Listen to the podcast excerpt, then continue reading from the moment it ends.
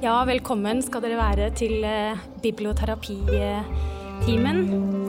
Til dere som ikke har vært med på biblioterapi før, så går dette her ut på at eh, vi eh, tar imot brev fra en stakkar med et eller annet problem. Og så har vi da to terapeuter og en programleder som skal prøve å svare på dette med noen bøker på resept som kan hjelpe til å underholde, kanskje. Hva er det det heter eh, når man prøver å få barn til å tenke på noe annet? Eh, avledning. Ja. Eh, eller sette ting i perspektiv med f.eks. lese en bok som handler om noe som er enda verre. Da. Det kan jo eh, hjelpe. um, vi skal jo holde tida, sånn som terapeuter ofte gjør. Nå er timen snart uh, over. Nå må vi avslutte. Det har jeg hørt deg si mange ganger, eh, Peder. På radio, altså. Em, Ja, la oss si det sånn. Så vi har med oss eh, psykolog, forfatter, nasjonal kjærlighetsdoktor og alderdomsaktivist. Kan jeg kalle, kan jeg kalle deg det? Ja. Sissel Gran. ja. Og så har vi med oss eh, psykolog, forfatter og bassist. Sant? På fritida. Ja. Og så har jeg kalt deg Norges luneste superstjerne. Hva tenker du om det? Eh, ja, det er hyggelig med litt avveksling. Jeg har blitt kalt litt annet også i det siste. Peder Kjøs. Jepp. Skal jeg bare lese brevet? Kjære biblioterapeuter. Jeg er et godt voksent menneske som stadig oftere tenker på alt jeg har tatt for gitt i livet, og som er i ferd med å gå ut på dato. Som god helse og et attraktivt ytre. Er jeg heldig, har jeg forhåpentligvis mange gode år igjen, tross alt. Uansett sliter jeg med å akseptere et galopperende kroppslig forfall og et stadig større gap mellom hvem jeg er på innsida og den jeg ser i speilet. Det er rart å konstatere og vanskelig å forstå. Jeg kjenner meg stadig oftere bitter, og at selvmedlidenheten lokker og drar. Men dit vil jeg jo ikke. Så, kjære gode hjelpere, hva kan litteraturen tilby en stakkar i forfall? Hvordan skal jeg holde ut andres blikk? Hilsen en med utgått skinn, men med fortsatt et ungdommelig sinn. Må. Ja, dette er jo ikke et ukjent tema for eh, noen av dere. Sissel, du har jo skrevet bok om alderdom. Du har den med deg. Inni er vi alltid unge. Rett og slett, altså. Den, eh, den ligger øverst her. Ja. Ja. Så det- derav du er ekspert. Ja, jeg er det. Så inni er vi alltid unge. Ja. Og Peder, du eh, har jo noen ganger uttalt deg litt om alderdom og Det har hendt. Eh, ja. Så vi kan jo tenke, kalle, kanskje kalle dette arrangementet for sånn en ny sjanse, eller noe sånt. Jo, takk. For å, eventuelt, ja. Eh, litteraturen. Hva er det dere har funnet fram som eh, hva, hva har dere tenkt på av litteratur når dere har lest dette brevet? Sissel? Jeg har tenkt på så utrolig mye, og det handler jo selvfølgelig også om at jeg har vært så veldig opptatt av aldring i flere år, fordi jeg bl.a. skrev den boka. Altså fordi jeg begynte å bli eldre. og fordi at det, Du kjenner jo når du blir eldre at det knaker i knoklene, og du kjenner at du har sittet i terapeutens stol i fremoverlent positur i 40 år. Det kjenner du overalt. ikke sant? Ja, du, har, du kjenner i korsryggen, du kjenner i kjenner i høyre skrivearmen, du kjenner i, i bekkenet, du kjenner det, du kjenner det også i hjernen. Du, litt, du blir litt lei av mange ting. Ja. Men så, eh, så jeg har lest veldig mye litteratur om, om aldringsprosessen, ikke sant. Men, også, men jeg har, det jeg har lyst til eh, å, å hva skal vi si, løfte frem i dag, det er mer Litt det håpefulle, altså eh, uten at jeg skal være så veldig eh, Ikke en sånn positiv tenker, en sånn overpositiv tenker at alder er bare et tall. Det er bare tull, ikke sant? Alder er ikke bare et tall. Alder syns, alder kjennes. Men eh, Wenche Mühlhausen har skrevet en eh, veldig morsom sakprosabok eh, som heter 'Hetetokk rabalder med overgangsalder'. Den er ganske, det er, det er et manifest, på en måte. Den er meget interessant. Veldig, den kan vi trøste innsenderen med. Les den. Vi har Nina Lykkes 'Nei og atter nei'. Hvor Ingrid, hovedpersonen, 54 år, som føler at hele livet er på en måte et hinderløp, hvor den ene oppgaven etter den andre bare skal hakes av, og så ligger hun og tenker Og så, da? Til slutt døden? Kanskje en lettelse? Ja. Men når mannen da er utro, og alt går i ball, og alle andre bryter reglene, så den prektige Ingrid, hun tenker da når alle andre bryter reglene, kan jeg gjøre det òg. Så hun forlater da de to hanndyrene og noen sønner, to egoistiske slamper, og sin utro mann. Eh, gjøre om bilen til en bobil, hiver inn en eh, madrass og, og stormkjøkken og drar. Håpefull bok. Veldig bra.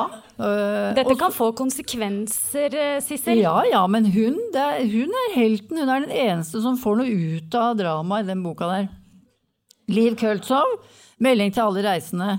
Det handler om sykdom og bli rammet av parkinson, og virkelig at det er et helvete. Et helvete, men hennes hovedperson, frø, frøken Baumgarten, som da havner på Klingenberg eh, rehabiliteringssenter oppe i Dalom et eller annet sted, og treffer da Vestnesen, en herremann hun får endelig oppleve den mest salte, herlige kjærlighet og tenker det er nu eller aldri. Så også en håpefull bok. Fordi veldig mange av oss når vi blir eldre, vi får all verdens greier. Vi får så mye plager.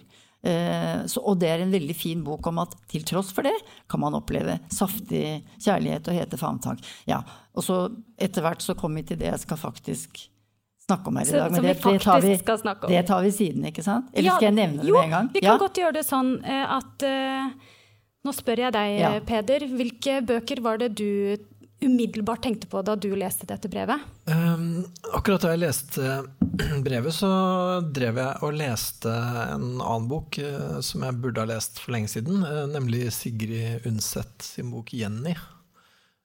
Den er meget bra. Og, Veldig god! Ja, og bedre enn jeg trodde at den var. For, for lenge lenge siden så begynte jeg å lese de der Christian, Kristin Lavransdatter-bøkene. Og det syns jeg ikke det, det, Jeg kommer vel til side 30 eller noe sånt før jeg ga opp. Så ja. det syns jeg ikke var noe kult. Så, så, derfor så har hun litt ufortjent ligget på den sida av gjerdet for meg. da. Og så leste jeg Jenny, som jo handler om en uh, dame da, som uh, blir forelska i en uh, ung mann, eller på en måte. Det er vel mer han som blir forelska i henne, egentlig. Og så um, i, i, Roma, ikke sant? så alt ligger liksom til rette, og alt er romantisk sånn. Så kommer de hjem til uh, Oslo, og så uh, finner hun egentlig mer tonen med faren til han herre uh, kameraten. Eh, og det blir jo mye styr ut av det. Men det som, det som, gjorde at jeg tenkte på det, var det at han jo er en kar som på en måte mm. har gitt opp og er litt sånn på vei ned og liksom kanskje unner seg et siste forsøk da, med sin svigerdatter. Det bør man jo ikke, men sånn er jo ofte litteraturen. Det er jo litt som uh, Welbeck. Welbeck. Har du også googla det på internett, hvordan du skal uttale dette etter navnet? Welbeck er i så fall svaret. Jeg har sett så mange svar på det at jeg, jeg bare innser at det får jeg ikke riktig uansett. Så. Welbeck skriver jo det i den eh, boka som du snart skal snakke mye mer om. Dette her med at sier det som slags en faktaopplysning at ekstrem aldersforskjell mm. tiltrekker jo det er sånn vel, ja. vel, vel. Ja, det, folk er forskjellige, men det er jo, en, det er jo et tema. Um, men da jeg leste det brevet, så uh, tenkte jeg også at det brevet er jo i og for seg kjønnsnøytralt. Um, og, og, jeg tenkte mm. vi snakker jo ganske mye om dette her med at kvinner føler at de blir eldre, og at uh, jeg syns jo Sissel sin bok om dette her, den uh, aldersboka, er en fryktelig viktig og fryktelig god og veldig klok bok. Um, det syns jeg, men, men, den er jo egentlig litt fra et kvinneperspektiv, og har vel helt sikkert også flest kvinnelige lesere, vil jeg tro.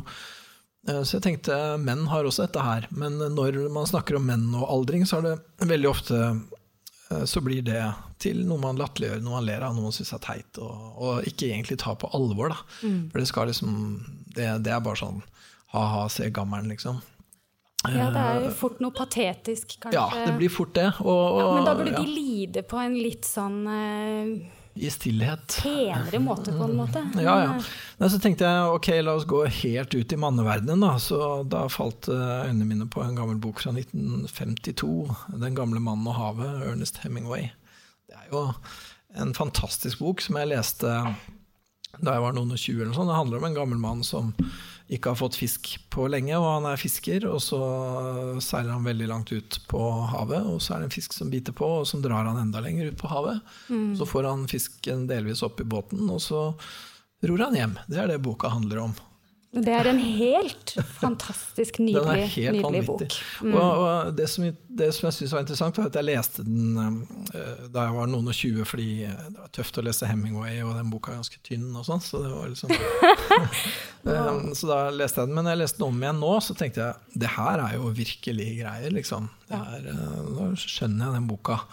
Med 30 år mer på baken sjøl, så føler jeg at det, at det er en veldig annen bok. Um, ja, så, så det, er, det handler jo på en måte om Den også er et sånn type Kanskje et slags siste forsøk, og hvor det etter hvert blir et spørsmål om en form for ære og en form for ettermæle og sånn, da. Så veldig interessant. Men jeg tenkte også at vi kanskje kunne gå til noe litt mer moderne, så da ble det Welbeck, da, som jeg vil Ja. kalle han. For da, kan vi, da setter vi i gang og snakker om de bøkene som vi skal gå mest i dybden i. Og da, da tenker jeg ja, at vi gjør det akkurat sånn. At du nå forteller meg hvorfor du har valgt, hvilken Ja. bok du har valgt, og hvorfor du har valgt den. Ja, det er eh, Welbeck, da, den eh, beryktede franskmannen som har skrevet en bok som heter eh, Serotonin. Eh, som på mange måter går for en fryktelig bok fordi at det er så mye fæl eh, sex, og den er så Så den var eh, drøyere enn jeg misantropisk. huska, altså. Ja, den er Hadde du den samme erfaringa med å lese den på nytt? Det var ikke så lenge siden sist jeg leste den, så jeg hadde en god del eh, jeg vet ikke, bilder i hodet som kanskje var like greit å ikke eh, gjenbesøke, men sånn er det. Eh, det er mye fælt der. Eh, skal vi si hva som er det verste? Er det Nei, ja. Vi skal jo lese noen utdrag etter hvert, Ja, så det kommer jo fram. Men det handler da altså om, eh, bare sånn at dere henger med, dere som ikke har lest den, så er det da Det er en fyr som heter Florent Claude Rabrost. et, navn, et navn han med god grunn hater, for det er jo et dustete navn. Dustete navn. Ja, han hater virkelig det navnet. Han er midt i livet og, og ser tilbake. Det er eh, på en måte det den boka her er, et tilbakeblikk. Samtidig som han også gjør noe greier, da. Eh, han forlater kjæresten sin, Yusu, og flytter inn på et hotell. Det gjør han. Um, og noe av det som liksom utløser hele historien, er at han, han, er, han er allerede på et hotell, og så skal hun betydelig yngre japanske kjæresten hans, da, eh, de skal møtes, og så møtes de, men så på en bensinstasjon så ser han eh, to unge damer som kommer kjørende, som, akkurat som i sånne amerikanske sånne tyggegummireklamer, hvor det kommer to veldig lettkledde jenter i veldig korte shorts og skjørt og sånn, sladdende inn på bensinstasjonen og trenger hjelp til å få luft i dekka sine. Ikke sant? og han kjenner at liksom Det her er jo eh, egentlig en kraftig påminnelse om både hvor han er, og hva han går glipp av, hva han er i ferd med å gi opp, hva han aldri mer kommer til å oppleve, hva han skulle ønske han kunne oppleve, osv. Stakkars mann. Det skjer utrolig mye med bare det at han ser de to på en bensinstasjon. Kastet synes- ut i en krise. Ja, og krisa ender jo med at han velger å forsvinne fra sitt vanlige liv, da. Og prøver å se hva han kan klare å få ut av resten av livet. Eh, Blant annet så kommer han jo da i berøring med dette eh, denne nevrotransmitteren serotonin, da, som, han, eh, som er antidepressiva, som han begynner på etter hvert. Han er jo veldig begeistra for akkurat de pillene der. Jeg har bare én ulempe med det, og det er at den fjerner alt han har igjen, og det er ikke mye, av seksualdrift. Hans eneste siste glede i livet er jo liksom det, da. Ja. Ja. Er han, er han 47? 46. 46, ja. Så han er jo ikke på dødens rand. Ja, han føler det. Ja, han føler det. Det sier jo litt, da. Ja, Om forfallet. Og følelsen av at nå er det liksom forbi. Ja. Det var det. Mm. Ja, og så Det hører vel for så vidt også med til historien at denne betydelig yngre eh, kjæresten som jobber på en sånn japansk kultursenter, eller et eller annet sånt, hun er jo en ganske fremmelig pikebarn. Så hun er jo eh, veldig engasjert i, eh, sånne, i en sånn orgievirksomhet som hun driver med. Og han syns på en måte det er greit, men så kommer han over noen videoer av noen av de orgiene som han ikke var til stede på. da. Og det er der det liksom egentlig tar av litt mer enn han, enn han egentlig setter pris på. Ja, han føler seg jo veldig tilsidesatt, mildt sagt. Blant annet av to bikkjer, så det mm, Det er ikke bra. Nei. Ja, den eh, hadde dette Denne her kommer sikkert med sånn trigger warnings Nei, den eh, gjør ikke det. Ikke min, i hvert fall. I USA, kanskje.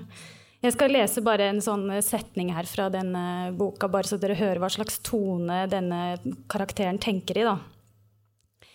Jeg har vist en slående mangel på evne til å ta grep om livet. Denne mandigheten som så ut til å stråle ut av det ansikt, finskårne ansiktet mitt med de skarpe kantene og de energisk meislede trekkene, var i virkeligheten ikke annet enn skinnet som bedrar.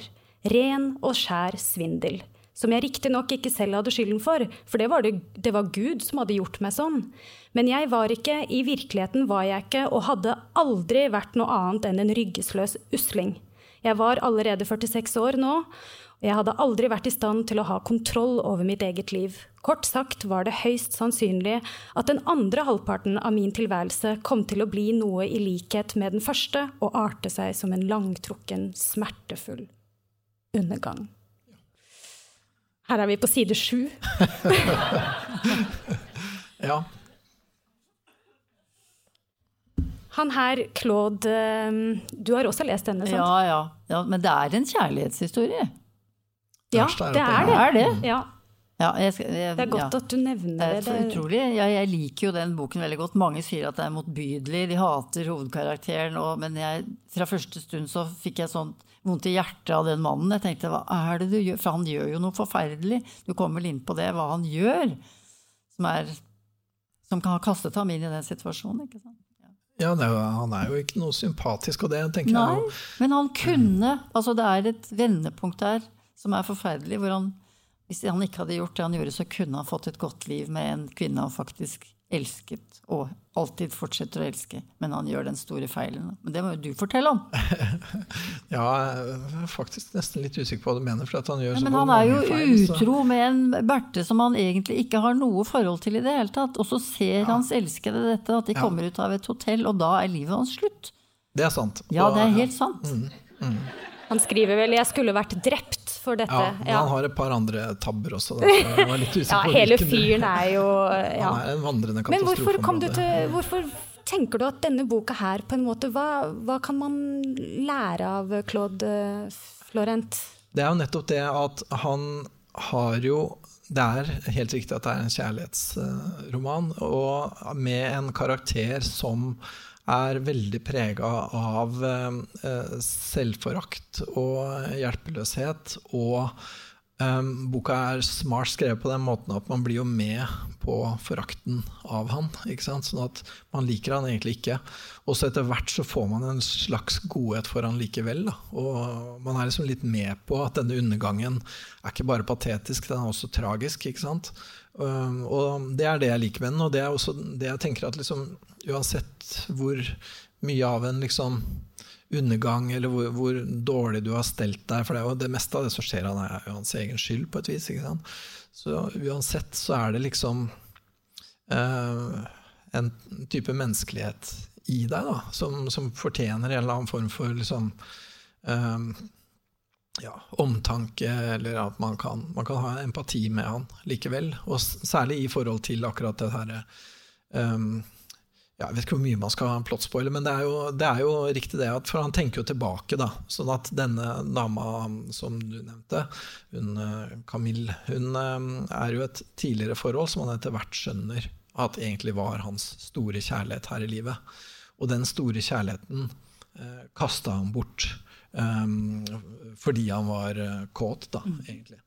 Um, uh, Tror du ikke det er litt sånn fort gjort å tenke sånn nå, når man blir eldre, litt sånn Det var det jeg skulle gjort. Altså, man er jo på en måte fri til å tenke sånn når man har blitt eh, når, når, det, når muligheten på en måte har glipper, så kan vi jo begynne å finne på sånn Hadde jeg bare valgt å studere det da? Eller hadde, Ja. jeg, hadde jeg valgt å ikke være utro mot Camilla da?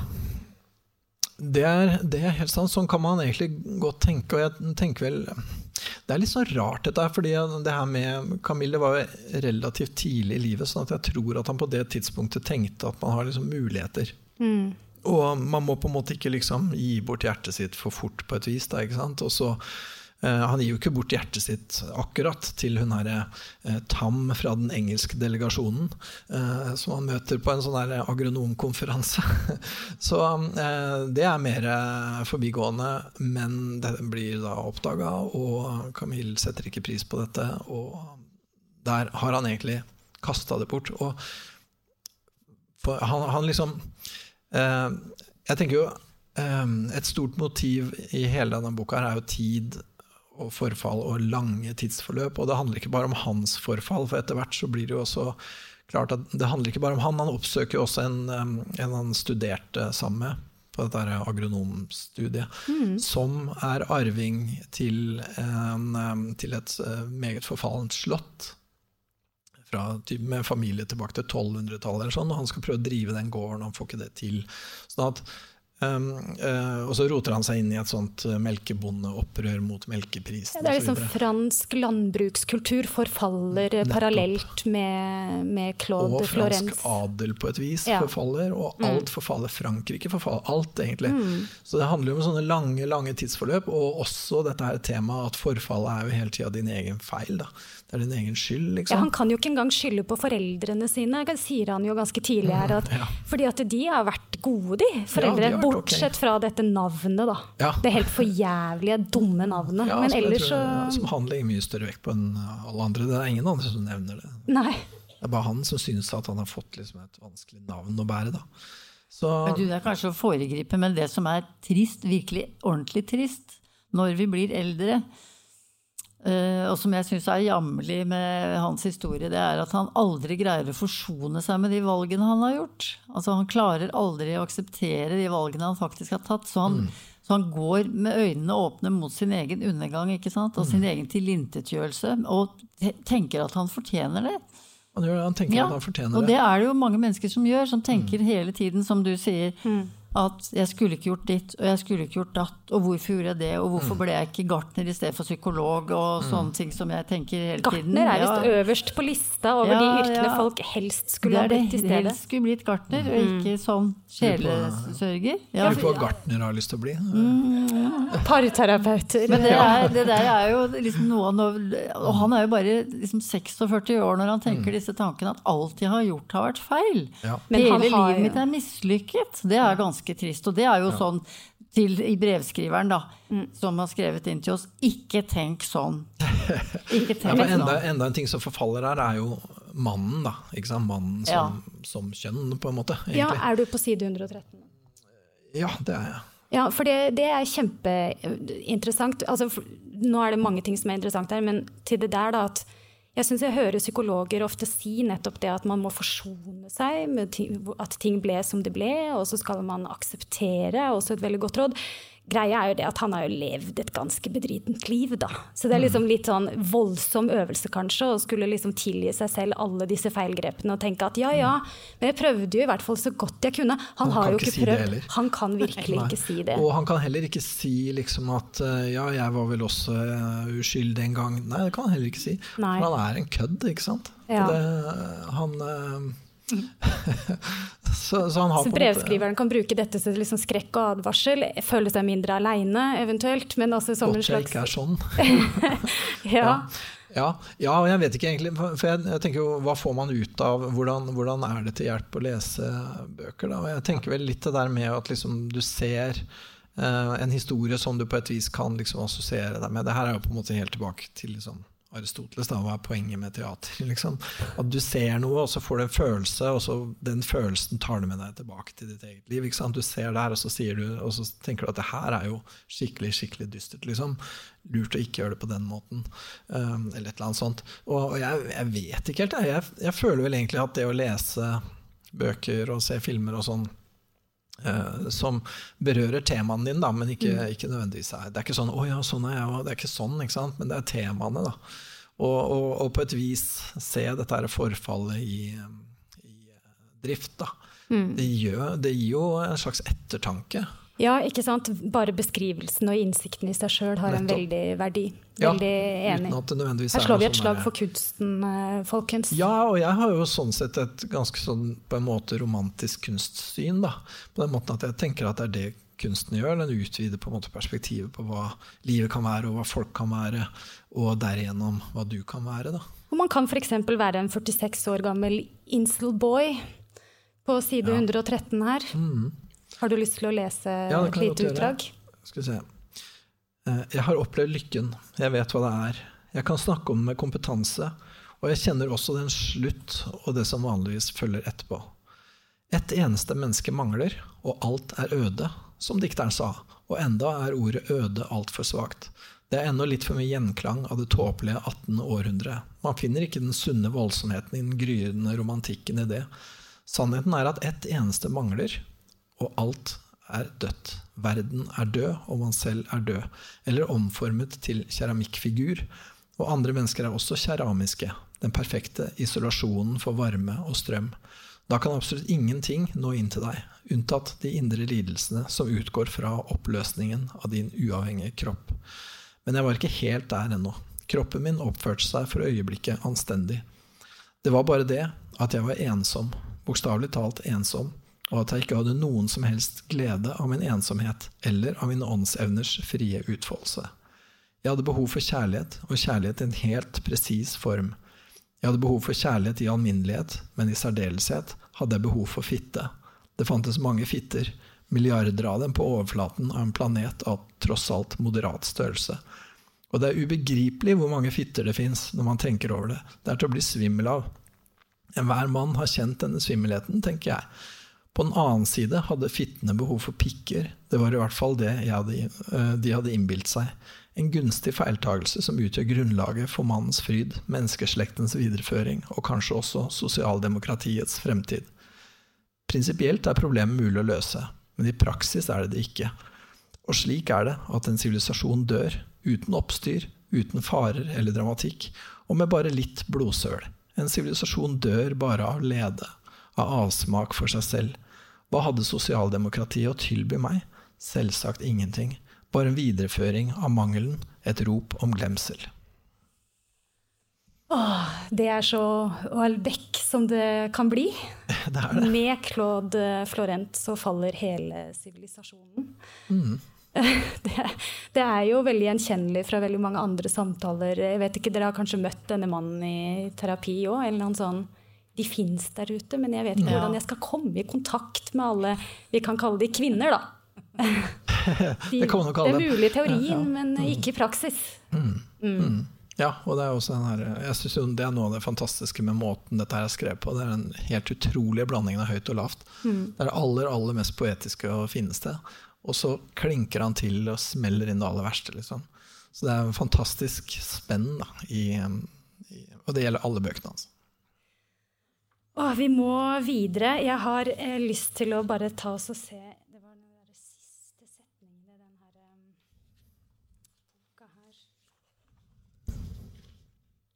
Jeg skal faktisk Jeg skal spare det helt til slutt, faktisk. Sissel, du har òg valgt en bok. Få Ja. høre. Hvilken har du valgt? Jeg har valgt um, Jeg liksom holder meg i de hjemlige trakter.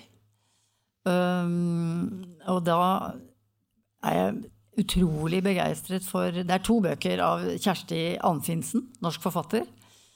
Eh, Født i 75, så jeg tror hun er 47 år. Det er veldig dårlig regning. Og det, er, det som er fantastisk eh, med henne, det er at hun har skrevet en bok som heter 'De siste kjærtegn', og en eh, bok til om samme karakter som heter 'Øyeblikk for evigheten'. Og dette er om en veldig gammel dame. Ja, for her snakker vi skikkelig gammel. Her Jeg vet jo ikke vi- hvor gammel den brevskriveren her er, men sånn 94 er denne personen. Nei, det er nok en brevskriveren er nok mye yngre. Men altså, for her snakker vi om brevskriveren er kanskje i det vi kaller en tredje alder, altså som er sånn fra kanskje, eller kanskje bare middelaldrende. Altså som er liksom Jeg gjetter Du nærmer deg- nærmer- du er, Fire år, du er fortsatt bare voksen, du. Bill Merk, noen go Ja. gode år igjen. Ja, ikke sant. Mange gode år igjen. Ja. Men uh, den tredje alder, altså fra noen og 60 og oppover. Men så har du den fjerde alder, altså som er um, da man er i avgangsfasen, på en måte, altså fra sånn 80-85 og oppover. Ja. Ja. Det er helt utrolig å lese eh, bøker av en så ung, for jeg vil si ung forfatter, som klarer å beskrive både livet og på en måte de eksistensielle spørsmålene som et virkelig gammelt menneske står oppi i det daglige. Altså både det kroppslige forfallet, tankene på det som har vært, eh, men også frekkheten. Altså det er en dame, Birgitte Solheim, tidligere hjertekirurg, en av de, den tidligst første da, her, nå bosatt i Paris, som har en, en veldig selvironisk og frekke tanker. Uh, og så er det, like, det er noe håpefullt i dette, i hennes forfall. Altså, og det er noe at hun gir ikke helt opp, på en måte. Håp om at noe mer skal kunne skje i livet, og det er det som er utrolig interessant. Og jeg må jo si mm. Jeg har mm. møtt alle disse gamle menneskene som jeg har gjort på min vei når jeg har vært rundt på med aktivismen min og eh, aldringsmeditasjonene. Uh, Guri meg, så mange, mange og 90-åringer jeg har møtt, altså, som knokler inn og sitter sånn som her, de knokler inn med gåstoler og alt som er, og krykker og greier, og sitter med høreapparatene sine mm. og ler høyt. Og har det veldig travelt med å få sagt fra om ting. Avbryter meg og sier 'jeg må bare si dette, Sissel Gran'. Og, ja. og jeg sier 'kom igjen, da! Kom igjen! Nå eller aldri'. Og de har en sånn fryktløshet som er helt absurd, mange av de veldig gamle gamle, som jeg kaller dem. da. Og dette er jo en gammel, gammel dame. Og... Eh, så det er derfor men det er også Det er kanskje noe av den friheten en eldre ja, innpakning ja. kan gi, da? At man kan bli ja. litt sånn eh, Ja. Litt sånn hytte med neven og være Du kan ikke vente. Ja. du kan ikke vente, for det kan være for sent. Om en time så kan du ligge der, ikke sant. Så du må bare forte deg og få det sagt. Og få det gjort. Men dette brevet handler jo ganske mye om kroppen. Mm -hmm. eh, og vi lever jo um, i et, uh, et samfunn hvor um, hvor kroppen er veldig, veldig viktig, og at det derfor er fælt og trist og vondt, og noe vi burde ta på det aller største alvor, som du og jeg Sissel, har snakka om mange ganger før, utenfor dette rommet. Mm. At det må vi kunne snakke om uten å arrestere hverandre mm. for å være politisk ukorrekte osv. Og, så og den kropp er jo det ene er jo skjønnheten, men det andre er jo også liksom bare hvordan den fungerer. Og det går denne boka her veldig fint inn på. Det at man ikke får brukt kroppen sin til det man vil lenger. Har du lyst til å lese litt fra mm. Små hender, side ja, 28. Veldig gjerne. Ja, det er veldig eh, Det er helt akkurat sånn det er, tror jeg. Små hender. Altså, dette er hjertekirurgen, ikke sant? Ja. Før kunne hendene mine redde liv. De kunne redde et lite barn. Det var en sann glede å møte foreldrene etter slike vellykkede operasjoner og si vi har lukket igjen hull i hjertet, alt ser ut til å gå fint. Nå kan jeg ikke engang skjenke i en kopp kaffe uten å søle. Frisøren min altså der frisøren kommer hjem, hun bor i Paris, slik er det der, ja. ja. Frisøren min forteller meg at leiligheten er full av flekker og smuler. Han har sannsynligvis rett i at jeg trenger enda mer hjelp. Helst vil jeg klare alt selv. Du er som et trassig barn, Birgitte, sier frisøren min til meg. Folk sier at livet er en syklus, men sammenligningen føles feil. Det er noe som mangler. Hver gang jeg ser meg i speilet, er det noe som mangler. Hver gang jeg ser på hendene mine, er det noe som mangler. Jeg vet godt at det er fremtiden som mangler. Og det er sabla godt sagt. For man begynner, når man er 70 som jeg, så tenker man hvor mange år? Mm? Hvor mange år? Veldig mange år har gått. Så mange år har jeg ikke igjen. ikke sant? Man begynner å tenke på det. Og venner dør. Ja. Flere bisettelser i det siste. Så det er en um, Møter mhm. dere mange eldre mennesker i terapi? Er det noe man gidder å investere tid og penger i hvis man f.eks. Jeg har hatt eh, gamle par. De eldste var vel 2-83. Og ja. da var det det som var tema da, det var en utroskapshistorie for 20 år siden som ennå ikke var ordnet opp i. Så da ordnet vi det. Så det er aldri for sent å ordne litt. Det er jo veldig spennende det du sier ja. med håp, at håpet tydeligvis liksom aldri lar seg kverke før, uh, før du er Nei. ferdig sjøl. Men jeg måtte banke i bordet, skjønner du, fordi at eh, det var særlig han skulle holde på veldig, for det var hun som hadde vært utro. Den så, skulle, så jeg måtte til slutt, et, den 15. time som de betalte ganske mye penger for, sa én, dere har to små pensjoner, dere går konk. To, nå må vi videre. Og da jeg så hardt på han og sa har du mulighet til å tilgi henne, eller vil du fortsette å vri kniven rundt i hjertet hennes? Gjort er gjort, og spist er spist. Kan du høre på meg? Da ble jeg veldig sånn, og så sa jeg dere har ikke så lenge igjen å leve! Kan du komme på det? Og da sa han jeg skal virkelig forsøke. Og han tok seg sammen, la det vekk, og det ble et bedre liv. Ja. Så da må man noen ganger så går det an å si at eh, 50-åringene de skiller seg. Men altså 82 Ja. Ja. Jeg tror han så for seg at han skulle fortsette sånn, og at han skulle ligge og rope i kista på og anklage henne for denne for 20 år siden med en sånn uh, liten eskapade med en annen herremann på et eller annet seminar, eller hva. Men det virker jo som at alderdom og bitterhet uh, henger sammen. Altså, hva, hva, kan det komme av, mon ja. tro? At man liksom, F.eks. den historien om utroskapen. at det, det, det, forkalker seg på en eller annen måte. Er det Der er folk så forskjellige. ikke sant? Det ser vi, Noen har, noen klarer det der, og så ferdig med det. Nå er vi ferdig med det, nå legger vi det vekk, og så går vi videre. Altså Noen har på en måte liksom De lever litt sånn fremover. Mens veldig mange lever litt sånn i det som var. Altså de, mm. de, de greier ikke å lukke liksom, eller, hva skal vi si, De negative tingene som har skjedd, de setter så mye voldsommere spor i det, men det positive som har skjedd mm så der, det tror jeg er en temperamentsforskjell, en personlighetsmessig forskjell. Altså, det er veldig vanskelig å arbeide med de parene som har denne, som har denne evnen til å kverne. Altså mm. som virkelig får hakk i plata. Mm. Altså vinylplata som ja. står og hopper. Og ikke, hvis det er noen som har sett det her. De hadde vinyl den gangen. Ja. Jeg, jeg, har ikke jobba med så mange sånn ordentlig gamle, men uh, noen. Og jeg tenker særlig på én kar Um, og der føler jeg at veldig mye av arbeidet var å gå For bitterhet er jo en fortærende følelse. Og det å gå fra bitterhet til sorg, på et vis. For sorg er liksom noe annet. Og jeg vet ikke, sorg er vel på en eller annen måte noe du kan ha på en annen måte enn bitterhet, tror jeg. Jeg tror at sørger du, så kan altså da, da, sørger du over kanskje noe som du skjønner er tapt. Ja, ikke sant. Som du, kan, og, ja. Eh, som du kan si til deg selv at det er over. Nettopp, for i bitterheten det, så er det en ubalanse. Ja, du skal ta igjen, og du ja, skal gjenopprette. I bitterheten så er du alltid til stede mm. i det som faktisk skjedde, selv om det er 20-30-50 mm. år siden. Så er det vondt. som om det var her og nå. ikke sant? Og det er det som er farlig med bitterheten. Mm. Ja, mens å sørge, da kan du, det kan du gå litt inn og ut av, kanskje. Ja, dette her er jo, det er jo livsstadier, og det er jo liksom uh, han psykologen Eriksson da, som er opptatt ja. av livsstadier, og det åttende siste livsstadiet. Så enten så har du forsona deg med livet ditt, eller så er du på en måte resignert, kanskje bitter, og har på en måte ikke en god avslutning. Da. Så en god død forutsetter jo på en måte at du har forsont deg. Og i forsoning så kan det godt være plass, tenker jeg i hvert fall, til en god porsjon sorg, hvis det er en som du sier, da, en sorg over noe som er Det er over, det ble ikke sånn, men her er vi, liksom. Ja.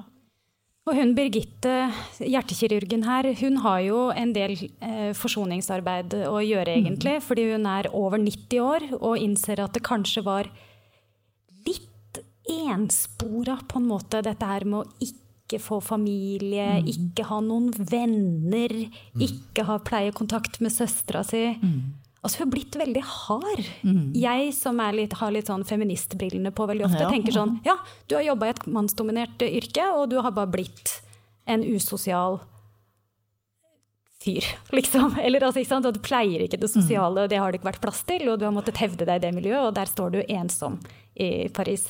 Hvordan, hvordan fungerer, hva skjer med den dama her i de siste åra? Hun har jo håp. altså Det er det som er så rart. Altså det, og det som er veldig fint med, med, denne boken og den andre boken og 'Øyeblikk for evigheten', det er jo at forfatteren våger å gå inn i forfallet på en fin måte. Altså, det, altså hvordan hun brekker håndledd, hun faller, altså hun mm. klarer ikke ditt. Og, altså, hvordan hun kjenner på at hun blir mer og mer skrøpelig, noe som er tilfellet når du er så gammel. fordi da går det. liksom Det går. Vi skal faktisk dø hele gjengen, selv om vi ikke tror at det gjelder oss. Det gjelder jo bare andre, men ikke meg. ikke sant? Ja, sånn er det. For det, det er, vi klarer ikke å ta det inn. Ja. Men det, så det, jeg synes det er veldig fint at forfatteren klarer å beskrive det, fordi det er veldig mye litteratur som er sånn Å, det er så flott å hoppe i strikk og trene, og, og hele liksom, helsevesenet er jo aktivitetstvangen overfor gamle folk er jo helt ekstrem. Fordi vi skal, vi skal vare så lenge at de bare trenger tre uker på sykehjem. Og så skal vi daue. Og så for å legge, liksom, ligge samfunnet så lite etter byrde som mulig. Da har du liksom klart nedslaget, og da er det applaus, liksom.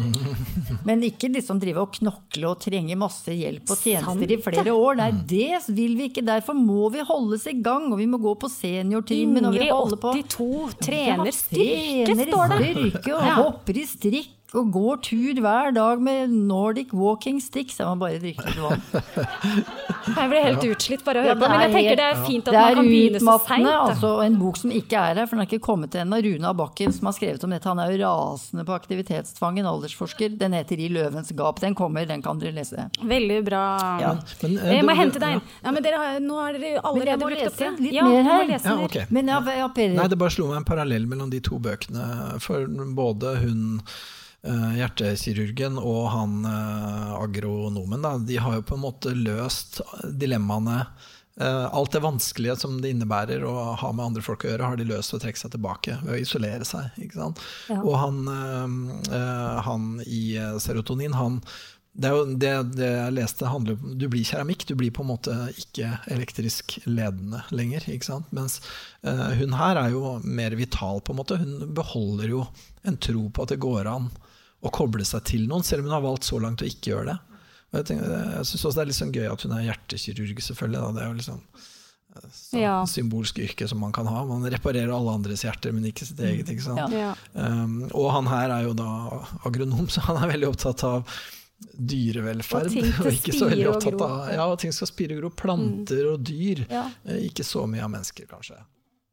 Så, så han er på mm. Ja, så jeg synes at Kanskje innsenderen vår bør lese de to, og så lese den her først. Sånn at du først liksom bryter ned og mister alt håp, og så bygger du opp håp igjen i den her. Ja. ja for håp er jo kom, Man kommer liksom stadig tilbake til håp. Det er, noe, det er litt sånn tvega, blanda følelse. Eh, og det virker som at bitterhet handler om å altså At bitre mennesker gjerne latterliggjør sitt eget håp. Altså mm. registrerer at de ønsker seg noe bedre.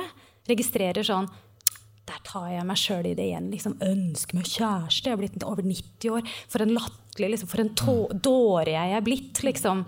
Uh, og også uh, Claude Florent her. Han tar seg liksom i sitt eget ønske om å få det bedre, mm. og, straffer seg selv. Liksom. Ja, ja. Ja, Mens vi andre som ikke har blitt bitre helt ennå, er vel mer en sånn blanding mellom at vi setter pris på at vi har håp, bruker håp som et slags driv, og innimellom kanskje skammer oss litt, eh, i det verste fall, da, om at liksom, det var kanskje litt mye å håpe på, f.eks. Mens bitterheten handler om den her, liksom, stygge dialogen med, med håpet. For håpet lar seg åpenbart ikke kverke. Nei, det er noe av det siste som eh, forlater oss. Altså det er rett og slett det er håp eh, Vi håper veldig lenge. Det er jo klart at det er skummelt å håpe, fordi du kan bli veldig skuffet og veldig lei deg av å håpe. Så derfor er jo bitterhet for noen en, sånn, altså en måte å gardere seg mot skuffelse på. ikke sant? Og det, mm. det er jo et virkelig sånt svært terapeutisk tema, da, som eh, mm. vi har vært mye borti, selvfølgelig, på våre kontorer. Mm. Har du lyst til å lese side 55, prognose? Ja. Hvis du leser hele boka høyt, ja. ja. Men må, dere må bare se kjøpe den. jeg tror det tematiserer håp, hvis ja, ikke jeg husker helt feil. Ja. Det finnes få tegn til at noe fint skal kunne komme til å hende meg i løpet av dette livet, eller i verden, for den saks skyld. Men jeg slutter merkelig nok ikke å håpe på et under, at man aldri lærer. Nå. Ja. Skal vi gi oss eh, der? Jeg må si noe om at hvem hun treffer jo en. Ja, hun gjør jo det. Herlig fred, jeg må jo få si det, at hun rett og slett treffer jo en gammel mann. Bill Merk, noen få år igjen. Bill Merk, noen få år igjen. Og det blir jo en hel bok til som også er mer til En hel bok til som handler om det. Altså, da må jeg bare lese det der som heter på side 87 Dunk Dunk. Ja, gjør det. Hun, hun treffer Janvier. En herremann, en eh, pensjonert arkitekt. Eh, gammel, skrøpelig, med stokk. Men sjarmerende.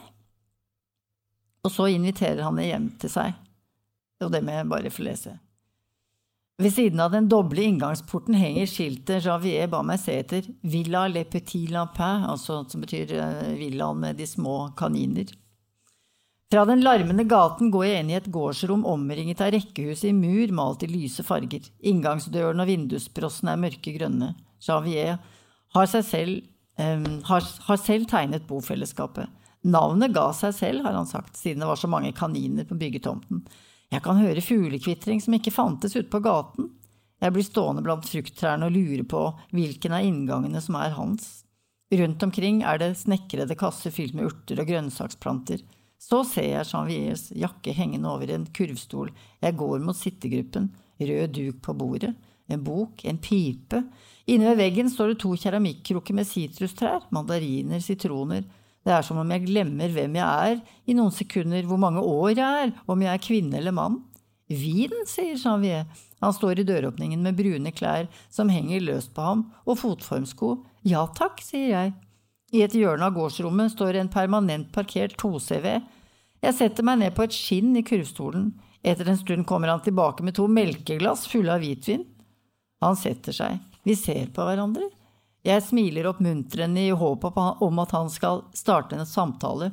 Jeg håper jeg ser søt ut. At det finnes et glimt i øynene, en elskelig utstråling av noe slag.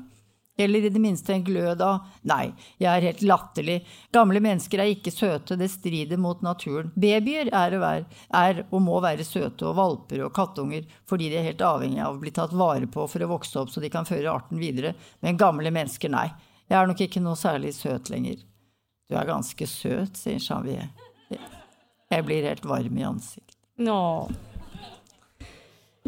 Så da tenker jeg det siste spørsmålet i dette brevet her er eh, hvordan skal jeg holde ut de andres blikk? Eh, hva tenker dere om at jeg sier at man kanskje skal holde ut sitt eget blikk på seg selv? kanskje noe sånt? Ja, det må man jo. Og jeg tenker vel også at uh, vår venn i serotonin her må jo egentlig kanskje også begynne å holde ut sitt eget blikk på andre. Man begynner liksom tåle andre folk litt bedre. Og jeg tror at hvis man tåler andre folk litt bedre, så tåler man seg sjøl litt bedre òg. Og jeg tror faktisk det er også lettere. Det er mye vanskeligere å like seg sjøl enn å like andre. Et godt råd. Takk, da må vi avslutte. Ja, jeg må bare si som Ragnhild, mitt sannhetsvitne i den boken jeg har skrevet om aldring, hun sier helt til slutt der, for hun er 90 år. Hun sier at frykten for alderdommen, den kommer vi ikke unna, men skammen skal vi avvise. Det er godt sagt.